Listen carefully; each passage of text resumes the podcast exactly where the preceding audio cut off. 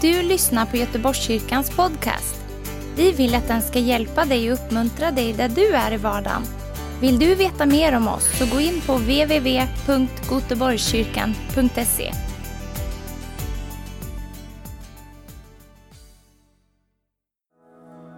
Ja, Jesus, vi tackar dig för att du är här mitt ibland oss. Tack Jesus för att du är så suverän. Och tack Jesus för att vi får samlas, bara känna din närvaro och veta att du är på riktigt, Herre Jesus.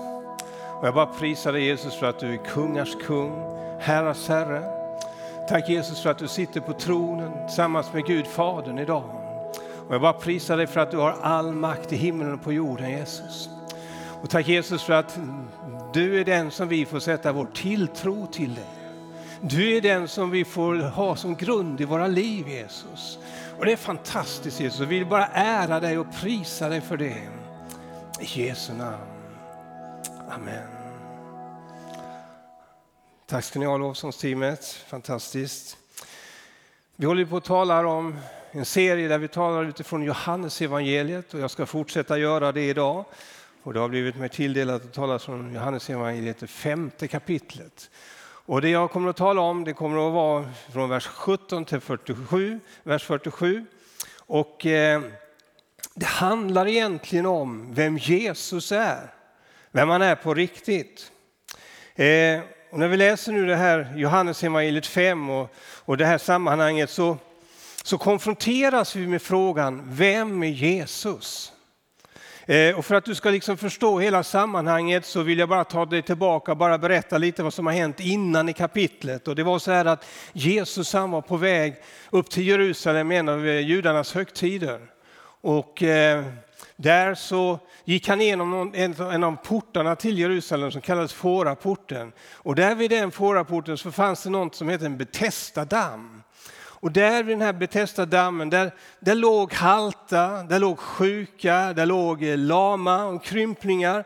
Eh, de samlades där. Och bara för att göra en, en eh, längre berättelse lite kortare så var det så här att Jesus helade en man där som har varit sjuk i 38 år. Som hade legat vid sin bädd, bunden vid sin bädd i 38 år. Och Jesus han reser honom upp och han rullar ihop sin bädd och så går han därifrån fullständigt helad och frisk. Och det var ett fantastiskt mirakel som, som människor såg Jesus gjorde. Och det gjorde också de religiösa ledarna. Så att eh, och, men de, de liksom fokuserade inte på det Jesus hade gjort på ett sätt, utan, och de tänkte inte så mycket på mannen heller. Eh, utan de, det var ju sabbat. Man firade sabbat och på sabbatet fick man inte arbeta. Man tyckte att det Jesus gjorde, att hela man, det var arbete. Så han bröt mot lagen.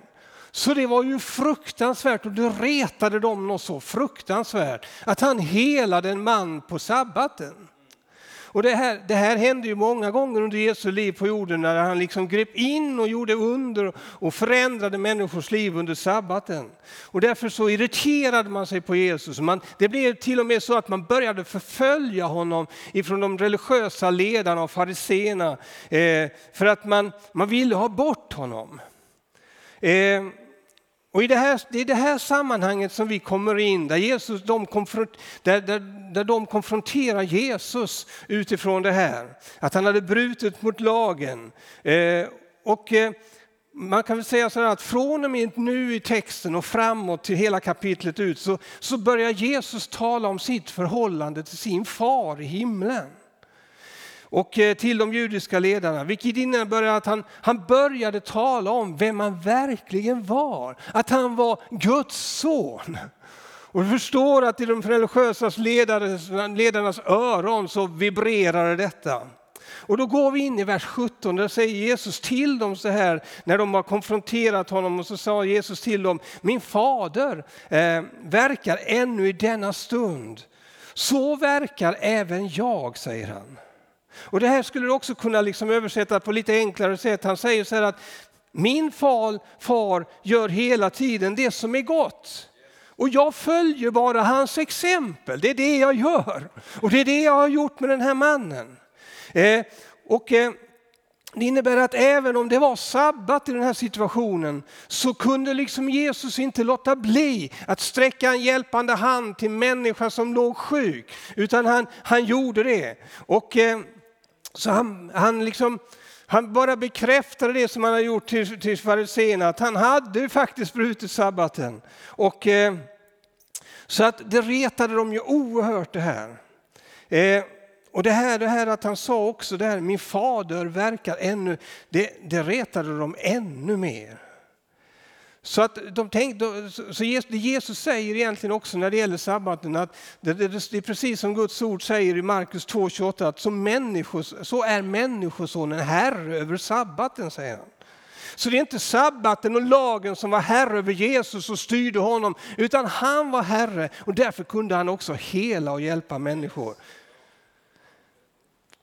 Men nu när han börjar också kalla sig och jämlikställa sig, med, med, med Gud Fadern och kalla honom för min fader så retade de, de honom eh, så retade de, de ännu mer. Och det står i vers 18 så här. Då blev judarna ännu ivrigare att döda honom eftersom han inte bara upphävde sabbaten utan också sade att Gud var hans far eller fader och gjorde sig själv lik Gud. Oj! Vem, vem tror du egentligen Jesus att du är? Du härdar ju, du jämställer dig med Gud själv. Och det här, liksom, det här gjorde dem så oerhört ilskna. Inte bara att han bröt sabbaten, utan han jämställde sig med Gud själv. Ändå hade man sett hans under. För de här människorna, de här religiösa ledarna, de hade hört Jesus predika. De hade hört honom vittna. Och de, eh, han hade gjort det på ett så fantastiskt sätt som inga andra gjorde. De hade hört, de hade sett under och tecken från Jesus, inte bara en gång utan flera gånger och många gånger. För att man förföljde honom och följde efter för att se vad han gjorde. Ändå liksom på något sätt så kunde man inte ta det här att han jämställde sig med Gud. Eh, och man trodde inte på honom. Vem trodde han att han var? Messias. Trodde han att han var Guds son? Men det var så här att Jesus han började tala om vem han verkligen var. Och Jesus han stack inte under stolen med det. Utan han bara bekräftade för dem att jag har min, min fader och, i, i himlen och jag, vi, vi, vi är ett. Han var Messias men de ville inte tro det. Och Jesus han kom till jorden. Han var sann Gud. Men när han kom till jorden så blev han en sann människa. Det innebär att när han vandrade här på jorden så jordade han utifrån 100% som människa. Men han var fortfarande en sann hundraprocentig Gud. Han var ett med sin fader. I den här situationen så bemöter Jesus dem med att börja berätta, som jag sa, vem han verkligen är. Man kunde inte missförstå det Jesus sa. Utan Jesus han proklamerade helt och ty, klart och tydligt att Gud är min far. Han gjorde inget, det, liksom, det här hade ingen gjort före honom, proklamerar att Gud i himlen är min far. Han gjorde anspråk på att vara lik Gud, att han var Gud eftersom han jämställde sig med Gud i himlen. Och så fortsätter Jesus och säger han så här i vers 19-23. Jesus svarade dem, amen, amen säger jag er, sonen kan inte göra någonting av sig själv, utan endast det han ser fadern göra. Ty vad fadern gör, det gör sonen. Fadern älskar sonen och visar honom allt han själv gör och större gärningar än dessa ska han visa honom så att ni kommer att bli häpna.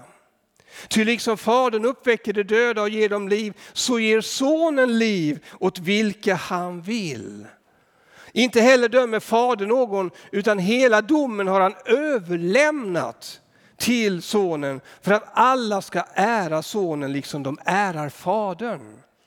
Den som inte ärar Sonen ärar inte heller Fadern som har sänt honom. Och det här var kraftigt stoft att tala rakt in i de religiösa ledarnas liv. Här visar Jesus på den enhet som finns mellan honom och sin far i himlen. Han säger att jag och min far, vi är totalt ett med varandra.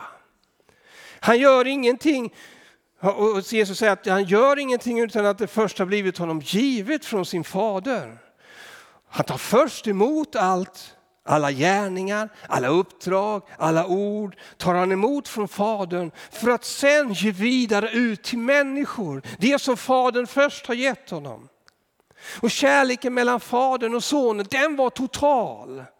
Vilket uppenbarades att Fadern låter Sonen få inblick i allt. Och Fadern å andra sidan, han förtröstar, han överlåter och överlämnar allt till Sonen. Och han förtröstar på, till hundra procent på Sonen och har överlåtit allt till honom. Så att Fadern, han varken agerar eller talar eller låter sig bli känd oberoende av Sonen Jesus. Och detta innebär inte att Fadern har släppt kontrollen på något sätt. Det här innebär heller inte en, en begränsning för Jesus, utan det är en fullkomlighet mellan Fadern och Sonen som gör att, att när Fadern agerar, då finns Sonen också där. Och när Sonen agerar synligt så finns Fadern också där för att de är ett. Matteus 11 och 27 säger så här att allt har min fader överlämnat till mig och ingen känner sonen utom, utom fadern. Inte heller känner någon fadern utom sonen. Och den, sonen som vill, den som sonen vill uppenbara för honom. Det här visar att fadern utövar sin suveränitet tillsammans med sonen som verkställer och uppenbarar faderns vilja bland människorna. Där Jesus agerar där agerar Fadern och tvärtom. Allt detta visar Jesus som Guds son och som Gud. Så går vi till vers 24. Där står det så här att amen, amen säger jag er.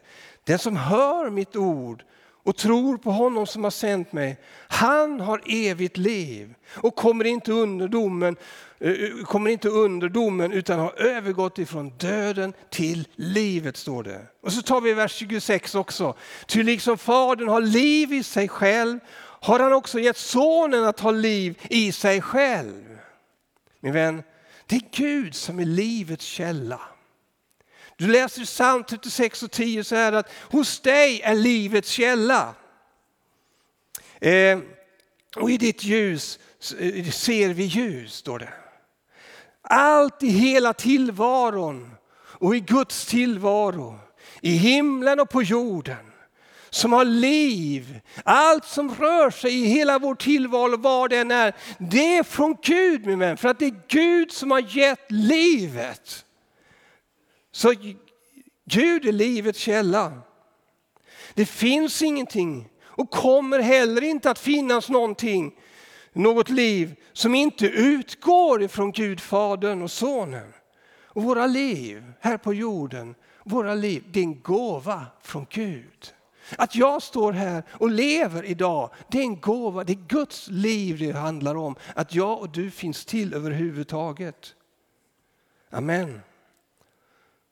Och så är det också med sonen, han har liv i sig själv. Han ger liv till andra och Jesus han säger så här i Johannes 11, 25 och 26 att jag är uppståndelsen och jag är livet. Den som tror på mig ska leva om han än dör. Och var och en som lever och tror på mig ska aldrig någonsin dö. Det är fantastiskt. Alltså den som lyssnar till Jesu ord och tror på honom och tar emot honom i sitt hjärta och liv. Den människan har evigt liv. Det eviga livet. Det börjar inte där borta efter döden någonstans. När vi har blivit begravda och uppståndna tillsammans med honom. Utan det eviga livet, det börjar här och nu. Den stunden jag tar emot Jesus i mitt liv och i mitt hjärta, där börjar evig, det eviga livet från Gud. Amen. En dag så dör jag, men jag kommer att uppstå. Jag kommer att leva med Gud i all evighet. Det innebär en ständig gemenskap med Gud.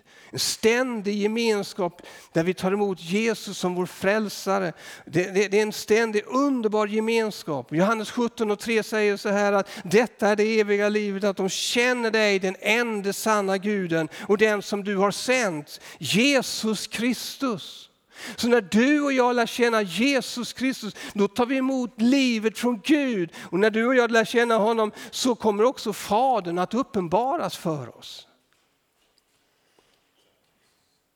Vi går till vers 31. Där står det så här att om jag vittnar om mig själv är mitt vittnesbörd inte giltigt. Då tänker han på att han står och talar inför fariséerna och försöker få dem att förstå att han har Gud till sin far och att det är riktigt. Alltså, har du tänkt på det? Vem som helst kan ju gå ut på gatan och säga att jag är Gud. Gud är min far.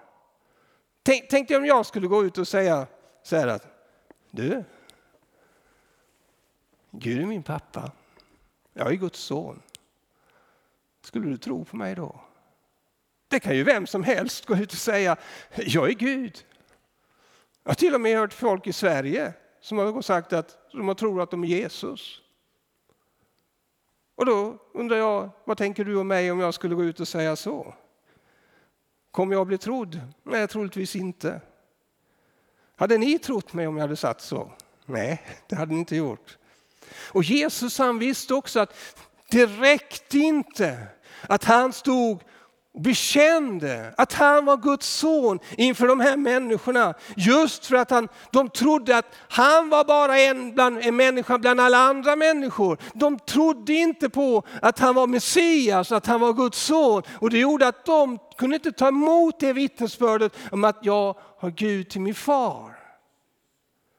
Jesus han var sänd av sin far till jorden här eh, på jorden. Han levde som 100% människa men han var fortfarande Gud. Han var sann Gud och sann människa. Men han visste att de kommer inte att tro på mig. Därför säger jag att om jag vittnar om mig själv och mitt, så är mitt vittnesbörd, det kommer inte att räcka. Jesus visste att ska han få dem att tro eller liksom, ska han få dem liksom börja lyssna på deras påståenden lite grann så behöver han två eller tre vittnesbörd. Vittnen på att det han säger är korrekt. Och det bottnar i att för judarna så hade de hade den synen, och det bottnar i gamla testamentets skrifter från femte Mosebok, att, att liksom på två eller tre vittnesmål så skulle det avgöras om det var korrekt och riktigt. Man dömde ingen utan två eller tre vittnesmål. Så det, det liksom låg i de judiska religiösa ledarnas inre liksom medvetande. Det var liksom tradition att tänka så. Så han, han kommer med tre vittnesbörd. Tre vittnen. Och liksom när Jesus han lyfter fram det här i vers 32 till vers 40 i Johannes evangeliet 5 så, så klargör han för dem att det han säger, det han säger, det finns en, en riktighet i det han säger. Att han är Guds son. Det första vittnet det är Johannes döparen. i Vers 33 till 35. Där det står så här att ni har skickat bud till Johannes och han har vittnat för, hon, för, för, san, han har vittnat för sanningen. Jag tar inte emot vittnesbörd från någon människa men jag säger detta för att ni ska bli frälsta, säger han. Jesus hade egentligen inte behov av att bevisa någonting. Jesus han behöver inte bevisa sig själv, för han är Gud. Varför skulle han bevisa att han var Gud? Han är ju Gud. Han hade inte behov av det på något sätt.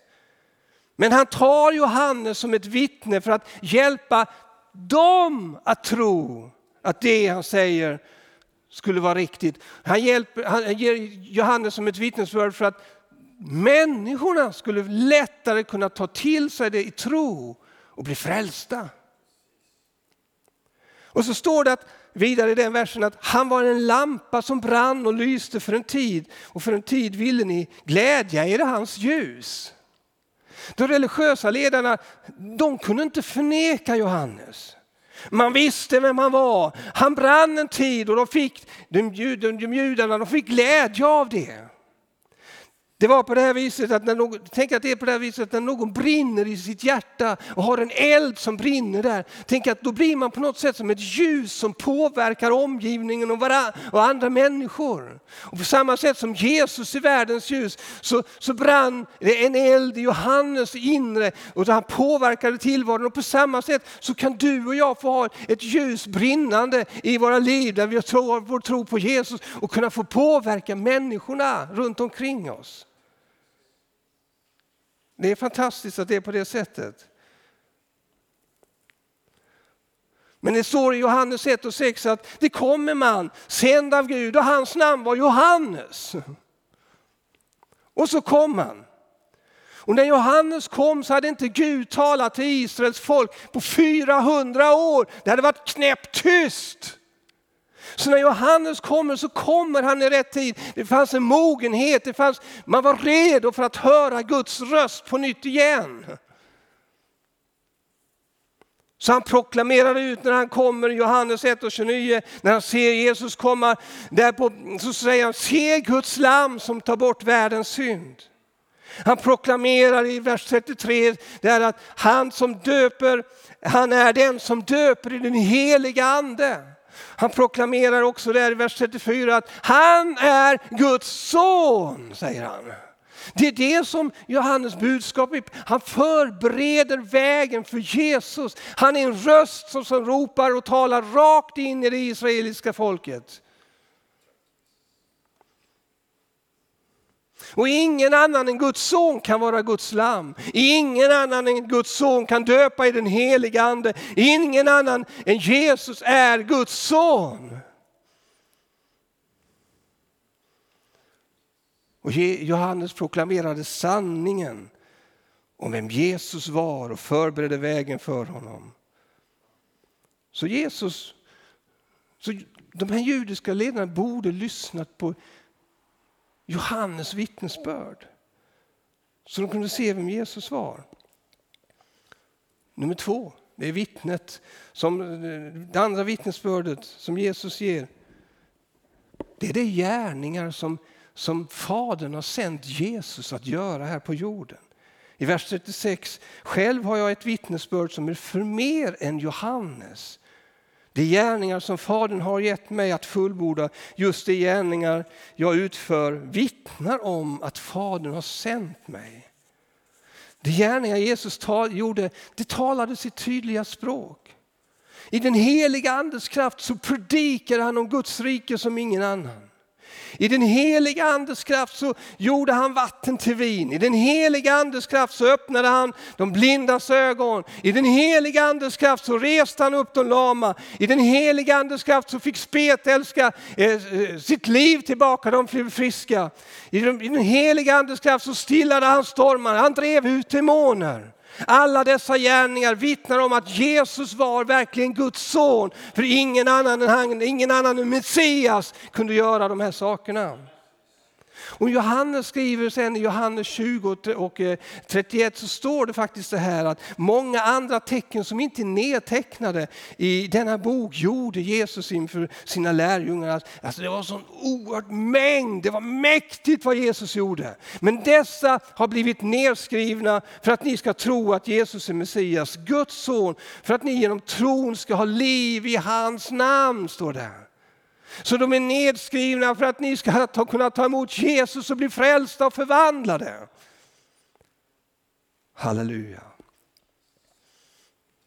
Allt som skrivs i Guds ord skrivs för att människor ska få svar på vem Jesus är. Att han är Guds son, sänd av Fadern till jorden för att rädda och försona oss från alla våra synder.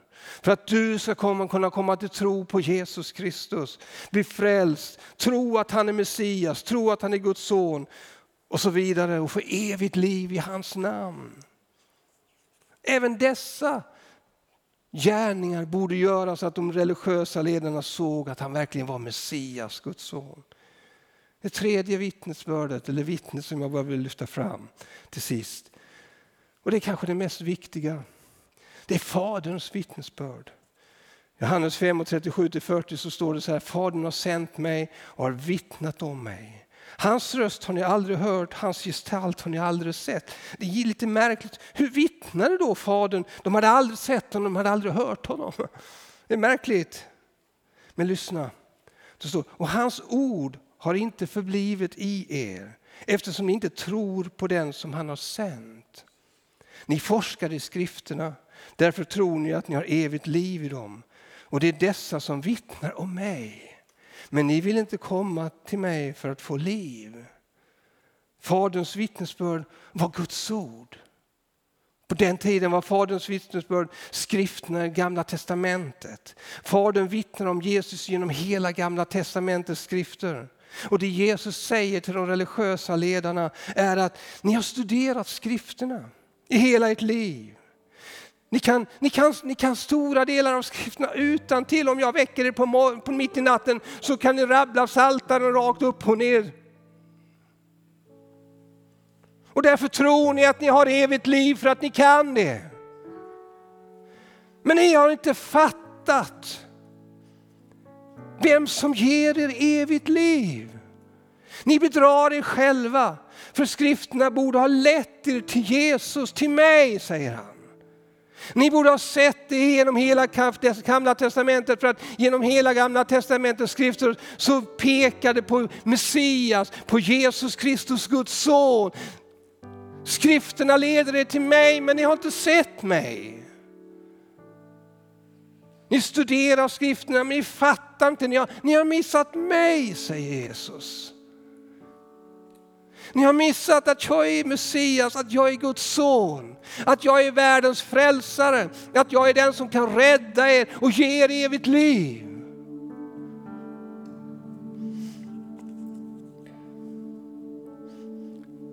I vers 46 i femte kapitlet så säger han så här, om ni trodde på Mose, vilket ni gör, då skulle ni tro på mig. För han har skrivit, Mose har skrivit om mig, säger Ni har missat orsaken till att skrifterna överhuvudtaget finns till.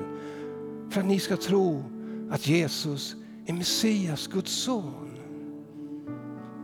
Och för att man genom tron ska ha evigt liv och en evig gemenskap med Gud Fadern och Sonen Jesus Kristus. Jesus han frågar Petrus vid ett tillfälle, vem säger människorna att jag är? Och en del säger att du är Elia, andra säger att du är Jeremia och någon tror att du är profet och så vidare. Men säger, vem säger ni att jag är? Så svarar Simon Petrus honom, Jesus, du är Messias, den levande Gudens son. Och Jesus sa till honom, salig är du Simon, Jonas son. För det är inte kött och blod som uppenbarar det här för dig utan min far i himlen. Petrus hade fått möta Jesus. Och när han fick möta Jesus så var den heliga ande där och gjorde under och mirakel med honom. Och hans ögon öppnade sig så när han såg och började, fick möta Jesus, då började han också skönja Fadern. Evigt liv min vän.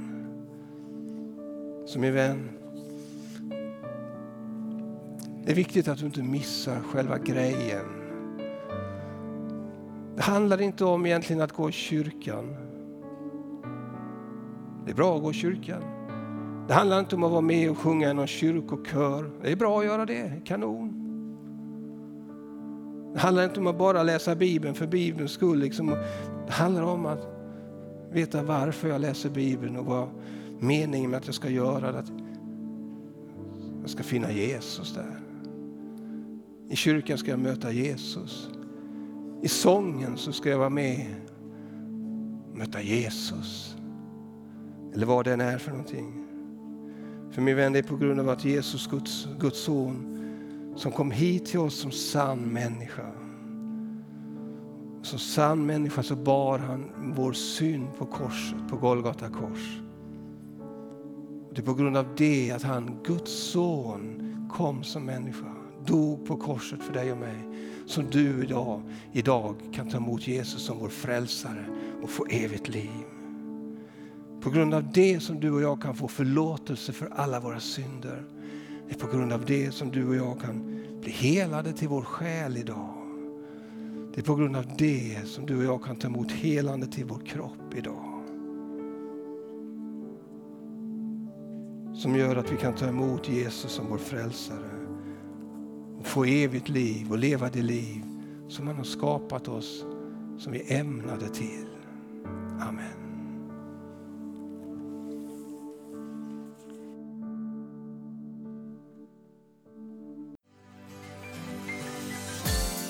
Tack för att du har lyssnat. Dela gärna podden med dina vänner och glöm inte prenumerera. Om du har frågor eller vill att vi ska be för något så mejla oss på info på söndagar har vi veckans höjdpunkt.